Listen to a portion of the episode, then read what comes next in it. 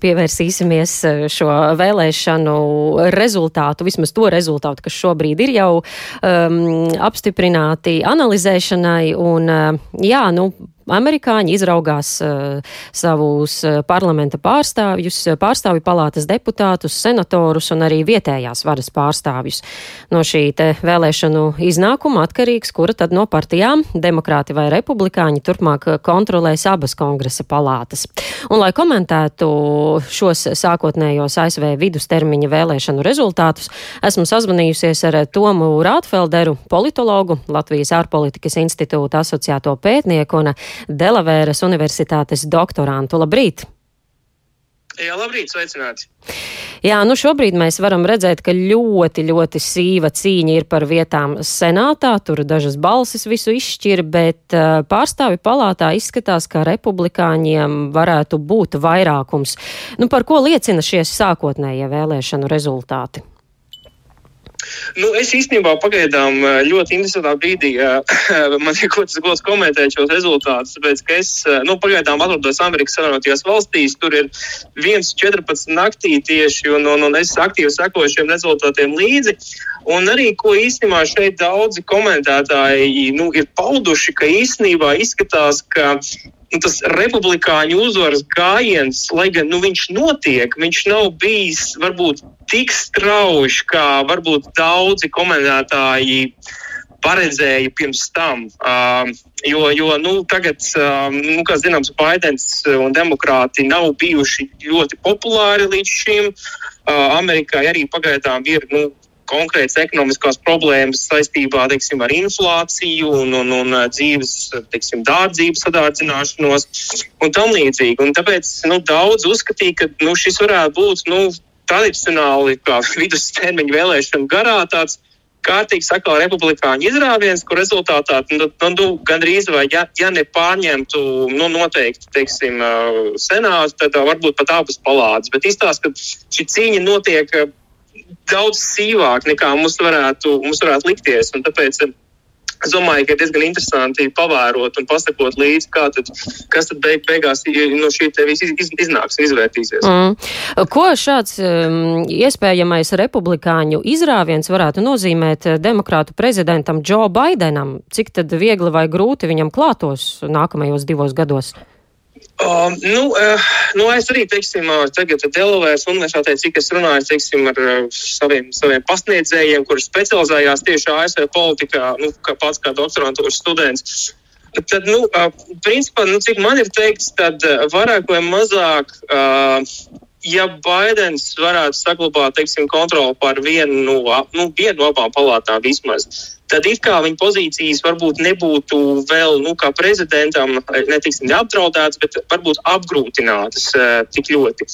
Bet, ja teiksim, tiek zaudētas abas palātas, nu, tad jau ir jautājums tiešām daudz vairāk par, uh, nu, teiksim, par likuma projektu apstiprināšanu, arī par tiesnešu apstiprināšanu. Uh, Arī fakts, teiksim, ka vēsturiski teiksim, pārstāvju palātu arī, teiksim, man liekas, ja maldos Trumpa laikā, tad uh, demokrāti izmantoja uh, to, lai teiksim, sākt vairākas izmeklēšanas pret šo prezidentu un līdzīgi. Nu, respektīvi, viņa dzīve būtu teikt, ļoti, ļoti apgrūtināta, ja, ja šāds scenārijs notiktu. Uh, Bet, eh, ja teiksim, eh, viena tomēr paliek vēl demokrāta kontrolē, tad tomēr labierēšanas iespējas ir lielākas. Mm. Kas kopumā amerikāņiem ir eh, bijuši svarīgākie un noteicošie jautājumi šajās vēlēšanās, un kas bija tas, ko arī partijas visvairāk uzsvēra savās kampaņās? Jā, nu viens, protams, ir jautājums, eh, jautājums par dzīves dārdzību. Tas, tas pagaidām, kas Amerikā, nu, inflācija, degvielas cenas palielināšanās, tas, tas tiešām visu, visu apkārt diskursā tiek uzsvērts. Otrs, eh, ko demokrāti ļoti arī centās, ar ko mobilizēt vēlētājs, ir eh, šis abortu jautājums, kas arī pagaidām ir diezgan, diezgan, diezgan aktuāls bijis.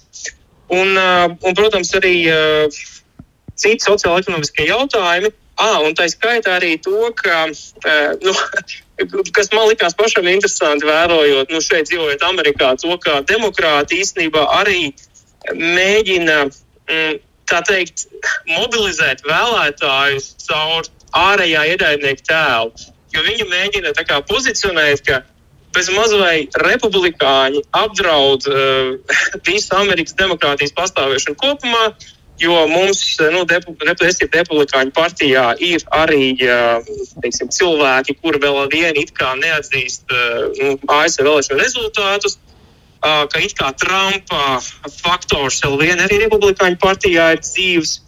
Nu, tad līdz ar to tad, šis arī tas jautājums, ka bez uzvaigta gandrīz vai demokrātija ir apdraudēta, kā republikāņi teiksim, mēģina, mēģina mobilizēt balsis.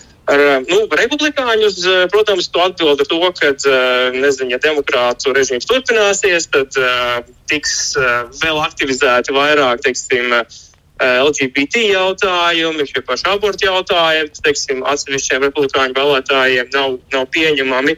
Teiksim, nu, tāda ļoti liela, var teikt, Šķelšanās ir jūtama starp partijām vairāk varbūt nekā iepriekš, vai starp abām partijām ir jūtama šķelšanās vairāk nekā iepriekš? Es, te, es teiktu drīzāk, ka tas ir vairāk tajās pašās tradīcijās, kas jau ir bijušas kādu laiku. Nu, Amerika, Amerika tiešām ir nu, ļoti polarizēta, tas, tas tiešām ir jūtams. Uh, Bet, jā, bet, protams, jautājums ir tas, kāpēc teiksim, šis republikāņu izrāviens nav bijis tik ļoti varbūt, liels, kā mēs varam gaidīt. Tas varbūt uzdod, uzdod jautājumus, ka iespējams cilvēki ir noguruši no, no, no šīs ķīrēšanās. Mm. Bet, protams, to mēs vēl nevaram teikt, apgalvot pagaidām. Mums jāsagaida vairāk informācijas, un, un, un tad mēs varēsim veikt apjomīgāku analīzi. Jā, nu, tas, kas interesē arī mūsu Latvijas platuma grādos dzīvojošos, ir atbalsts Ukrainai karā ar Krievijas kar, izvērstajā karā Ukrainā vai pie republikāņu vairākuma gūšanas Baidenam tomēr nebūs problēmas īstenot savu politiku tā, kā viņš iecerējis arī šajā ziņā? Nu, es nedomāju. Es domāju, ka, ja mēs nu, paskatāmies arī, kā teiksim, bija uh, ASV ārpolitika Trumpa laikā, nu, kad republikāņi bija pie varas, tad tomēr Amerikas atbalsts uh, mūsu reģionu drošībai saglabājās. Uh, tas, tas bija klātesošs. Un uh, atcerēsimies arī, nu, ka ir pietiekami daudz republikāņu politiķi, kuri ir ļoti stingri noskaņoti arī pret Krieviju. Uh, tā kā es domāju, ka uh, tajā, uh, ka Krievija ir starptautiskās drošības draudz un uh, to, ka ir amerikāņiem jāaizsargā savu sabiedroties, es domāju, ka tajā, tajā, man liekas, ir sava veida konsensus starp abām partijām. Protams, ir jautājums par detaļām. Uh, kā mēs to izdarām.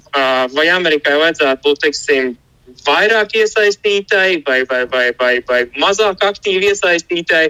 Bet, nu, tas, ka, bet es nesaredzētu tādus lielus draudus, ka Amerikas atbalstošais fokus no, no, no Krievijas jūtam mainītos.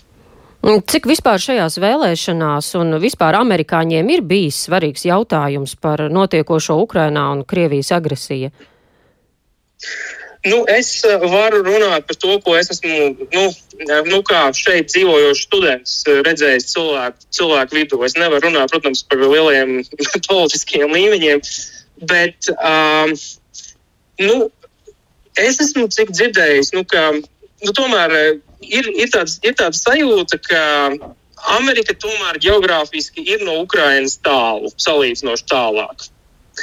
Protams, ka nu, amerikāņu cilvēki, amerikāņu iedzīvotāji uh, uzskata, ka tas briesmīgi, ka tas ir uh, nu, ļoti šausmīgi notiek karš Ukrainā, bet tomēr, nu, cik es salīdzinu teiksim, to sajūtu šeit, esot un Latvijā, kas sajūta, tad šis apdraudējums, tā, nu, tas tiešām tas milzīgais solidaritātes un tas, nezinu, tas varbūt raudu izjūta, šeit cilvēkos ir tāda mazāka nu, cilvēki tiksim, neizjūt uh, to kā tik lielu uh, tiksim, spiedienu, varētu tā teikt, vai, vai, vai kā tādu tiešām nu, globālu problēmu, kādu mēs to izjūtam Latvijā. Uh, protams, es saku, es, es dzīvoju Delavēras štatā, es esmu runājis tikai ar konkrētu, uh, konkrētu cilvēku loku, un es pieļauju, teiksim, ka citos, varbūt ASV štatos būtu uh, iespējams kaut kāds citādāks viedoklis. Bet um, nu, tomēr ir tā sajūta, ka geogrāfija kaut kādā veidā to tavu likteni tomēr veido. Un, um, ja tu atrodies, teiksim, tuvāk tam agresoram, tad nu, loģiski, ka tu arī būsi tāds nu, tāds, tā reakcija būs asāka un izteiktāka, ja, ja tā varētu teikt. Mm. Bet, nu, Amerikas Savienotās valstis ir numur viens tās, kas sniedz visvairāk atbalstu Ukrainai finansiāli un ar ieročiem, vai nevarētu pārskatīt to palīdzības sniegto apmēru Ukrainai? No republikāņu puses, es piemēram? Neesmu, es, saku, es, ne, es, ne, es neesmu pagaidām tās indikācijas redzējis. Nu, skatoties, eh, nu, politiskā līmenī, saku, tas atbalsts ir salīdzinoši tomēr liels un viņš, eh, viņš saglabājās. Protams, eh, nu, kā jau teicu, ir jautājums par to, kas ir Amerikas prioritātes, vai, teiksim, sākumā to tiek galā ar Ķīnu, tad ar Krieviju vai otrādi. Tur, protams, ir cits jautājums par detaļām. Bet, manuprāt, tas, ka Krievija ir un paliks draudz, tas, eh, nu, aizsardz Amerikas politiskās aprindas eh, skatījumā, tas, manuprāt, eh, manuprāt ir diezgan, diezgan stabili. Mm -hmm.